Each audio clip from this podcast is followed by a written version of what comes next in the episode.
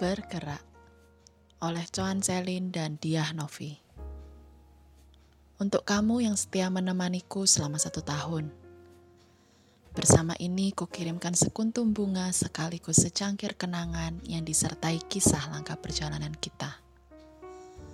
Suka duka, manis pahit, terang gelap telah kita lalui dan ya mungkin akan kamu lalui lagi dan lagi. Bukan maksudku menyedihkanmu, menyakiti apalagi. Bukan maksudku mencampakkanmu, melupakanmu sekalipun tidak akan. Ku hanya ingin membuatmu semakin indah, sama seperti kau membuatku berarti, membentukku menjadi lebih dari biasanya, dan menyadarkanku maksud dari semua ini. Situasi dan keadaan kini kian bergejolak. Dinginnya fajar, teriknya siang sudah menjadi sebutir debu bagi sebagian orang. Kamu tahu itu, aku pun tahu itu. Serasa semua jalan tertutup. Tak ada penerangan, hanya gelap yang semakin gelap. Hari itu, hari yang sama, bulan yang berbeda, Ku duduk termangu dalam hening. Hatiku bertanya pada diriku sendiri, apakah yang harus ku perbuat sekarang? Masih adakah saat-saat itu? Labirin seakan di sekitarku, mengelilingiku tanpa ragu. Satu yang terpikirkan, aku hanya ingin keburamanku tidak mendominasi kebersamaanku denganmu. Di pojok tembok, di bawah jendela, ku mendengar teleponku berdering.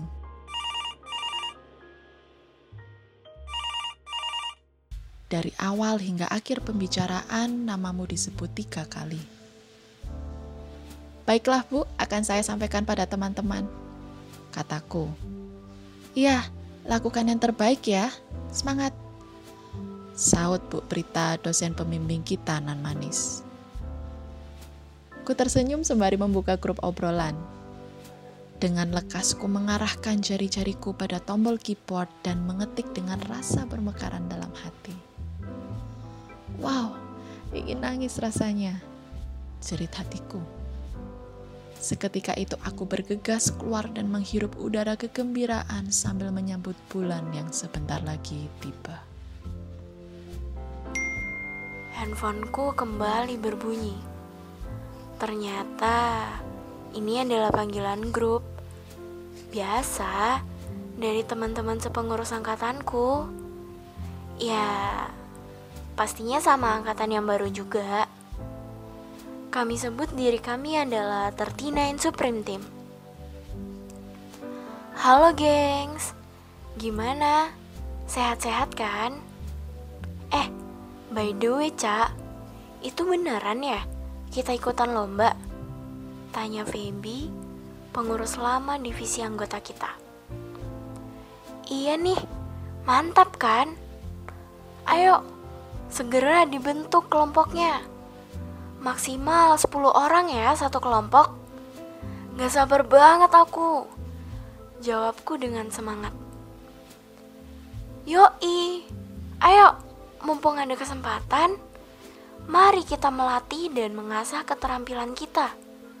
Selagi masih bisa, kenapa enggak?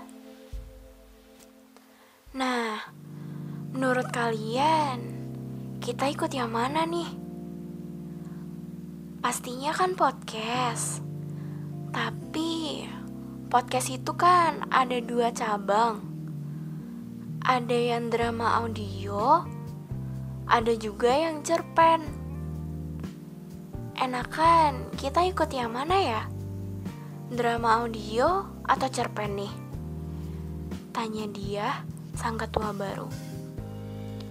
Hmm, gimana kalau cerpen aja? Jadi, nanti kita pembawaannya yang simple aja, tapi bermakna. Dan yang pasti mengena sama temanya. Jawab Feby. Malam itu ada tiga orang yang ikut di panggilan telepon grup. Sembilan orang lainnya beralangan ikut karena memang panggilan grup kali ini tidak terencana. Waktu menunjukkan pukul 8 malam. Kami, Tertina Supreme Team telah memutuskan untuk mengikuti lomba podcast pembacaan cerpen setelah menimbang bermacam-macam saran dari tiap individu. Kamu pasti senang.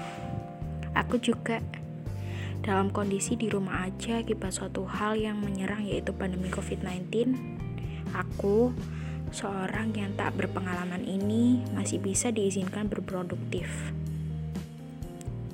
Ini karena kamu. Aku menumpang namamu. Aku menggunakan bidangmu, seni. Aku sangat bersyukur. Aku tidak salah pilih kamu. Berkat keberadaanmu, aku dan teman-teman jadi lebih mengenal bidang lain. Tidak semata bidang penyiaran, namun juga keterampilan dalam seni. Andai kata kamu bisa mendengar, apa yang kamu pikirkan pertama kali ketika mendengar kata COVID, masker, hand sanitizer, cuci tangan, di rumah saja, dan jaga jarak? Tahun ini adalah tahun yang istimewa untuk bumi. Seluruh dunia membungkam tak ada aktivitas di luar sana. Para dokter dan perawat sudah melakukan yang terbaik untuk menangani pasien yang terkena corona. Para pemerintah dan aparat kepolisian juga memberikan instruksi protokol kesehatan untuk masyarakat. Sedangkan kita, apakah kita sudah pantas dikatakan sebagai warga yang baik untuk Indonesia yang bebas? Kita sendiri adalah generasi penerus bangsa yang bisa menggali segudang kreativitas dan inovasi untuk Indonesia pulih. Kita harus bergerak di depan, menjadi contoh kepada mereka yang belum sadar pentingnya kesadaran diri. Di tengah situasi yang silih berganti, ada satu keinginan terpendamku. Di tengah kondisi yang tidak bisa dihindari, ada segenggam karya yang ingin kuukir. Jika sang waktu bertanya, Apakah kamu ingin aku mempercepat waktu dan melewatkan masa-masa ini? Kala itu aku bisa saja menjawab, "Ya, tentu saja. Siapa yang mau ini terjadi?" Namun, ku tersadar. Ku tak lagi bertanya, "Kapan masa pandemi ini berakhir?" Tapi, bagaimana? Peranku sebagai anak bangsa di masa pandemi ini. Ku tak lagi berkeluh kesah terhadap apa yang terjadi. Ku coba belajar untuk membuat pemulihan nasional dimulai dari diri sendiri. Pendidikan adalah senjata paling ampuh untuk mengubah dunia. Kata-kata seorang Nelson Mandela tak henti-hentinya mengalir dalam sanubariku pendidikan. Ya, saat ini pembelajaran dilakukan dari rumah. Mungkin bagi aku, ini bukanlah suatu masalah ataupun penghalang. Namun, tidak untuk mereka yang menetap di daerah terpencil. Tidak punya alat komunikasi memadai dan internet sebagai kebutuhan mereka. Jalan terbaik di masa ini adalah harus ada sukarelawan pengabdian masyarakat.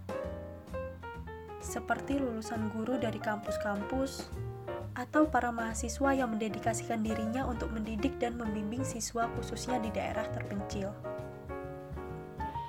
Tenaga guru sangat dibutuhkan kepada adik-adik kita. Para siswa lebih tertarik kepada pembelajaran yang simple dan fun. Seperti misalnya dibagi dengan beberapa macam kelompok belajar kecil dan dilakukan secara bertemu di rumah-rumah siswa dengan berpakaian bebas rapi serta mengedepankan standar protokol kesehatan. Hal ini bisa mengurangi kecemasan mereka akan pembelajaran yang ketat dan lebih bahagia bertemu dengan teman-temannya daripada mereka yang belajar di rumah sendirian. Para guru pun harus bisa meringkas pembelajaran dengan kuis sesederhana mungkin yang gampang dipahami oleh siswa. Dengan begitu, para murid dapat membuat penyimpulan pembelajaran di hari itu. Harapan yang dicapai yaitu adalah pembelajaran mudah dicapai dan lebih fun di saat pandemi mencekam ini, dan pihak guru dan murid tidak merasa tertekan di saat pandemi ini. Memang metode ini tidak bisa digunakan di wilayah merah, apalagi hitam. Namun, setidaknya dapat berguna bagi mereka yang mampu menerapkan ini. Tertinan Supreme Team bukanlah kumpulan orang hebat. Kamu paham itu? Tertina Supreme Team juga bukanlah kumpulan para ahli podcast. Kamu sadar itu. Kendati pun kami bukanlah kumpulan orang lemah yang mudah menyerah.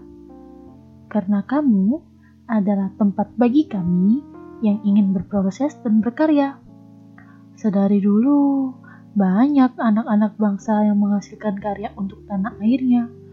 Tetapi sedikit yang ingin bangkit dan terlibat dalam kegiatan untuk kemajuan tanah air di kondisi seperti ini. Sudah jarang banget aku menuliskan curahan hatiku pada sebuah buku kenangan seperti yang kulakukan sekarang. Seperti biasa, selama menulis selalu ada segelas susu coklat dingin di bagian pojok atas meja tempatku menguraikan kata-kata. Diiringi alunan musik jazz kesukaanku, terdengar pula suara berdering dari handphoneku Rupanya ada pesan dari Bu Prita. Beliau menyampaikan bahwa aku bersama teman-teman melalui kamu akan bekerja sama dengan dosen lain untuk membuat podcast dengan tema pendidikan. Dosen yang nanti akan terlibat adalah dosen di mata kuliah keuangan. Materi yang akan dibawa juga berhubungan dengan kondisi keuangan saat ini yang tentunya ditujukan untuk masyarakat luas sebab podcast bukan hanya untuk kalangan mahasiswa. Tak lupa, beliau juga menyampaikan sepatah kata pengingat sekaligus penyemangat supaya kita sebagai mahasiswa tetap termotivasi dan berkontribusi dalam gerakan nasionalisme. Segala sesuatu dimulai dari hal kecil, bahkan sangat kecil yang kadang orang anggap tidak berarti. Sekecil apa pun itu, selagi untuk kepentingan bersama, lakukan saja. Niscaya bagian kecil itu akan berkembang dan berbuah bagi kamu, aku, dan mereka. Sebelum kehadiran virus corona merajalela, waktuku bersamamu hanya sebatas dalam sebuah ruangan ukuran 2 kali 6. Datang pagi, menitip tas dan perlengkapan kuliah, lalu berceloteh di siang hari sambil menyapa dengan sambutan hangat kepada para mahasiswa yang sedang duduk makan siang. Duduk-duduk santai, bercerita sambil menunggu jam kelas. Saat kelas berakhir, aku pun pulang tanpa sempat memikirkanmu. Aku beristirahat rebahan di atas kasur masa kecilku. Akan tetapi, mulai akhir Maret 2020 aku kuliah di rumah. Tidak bertemu langsung dengan dosen, teman-teman, dan juga kamu. Lucunya, walaupun kita tidak berjumpa secara fisik, namun kita justru semakin dekat. Bersama teman-temanku, kita turut ambil bagian dalam kemajuan bangsa tercinta. Melintasi ombak, melewati gunung tinggi, jiwa kita dipersatukan dan kekuatan kita terasah. Situasi dan kondisi apa pun itu tak memudarkan semangat dan kreativitas kita untuk terus bertumbuh bagaikan seekor raja wali di tengah angin ribut. Semakin kuat terpaan, semakin kuat kita bertahan. Bidang senikah atau pendidikan, apa pun itu bersama-sama kita telah dan akan mengharumkan negeri Indonesia melalui apa yang kita bisa. Sekian dariku untukmu, Radio Kampusku. Terima kasih mau bersedia terlibat bersamaku di tengah masa pandemi virus corona ini. Aku percaya suatu hari nanti benih yang telah kita tabur di tanah air ini tidak kembali dengan sia-sia.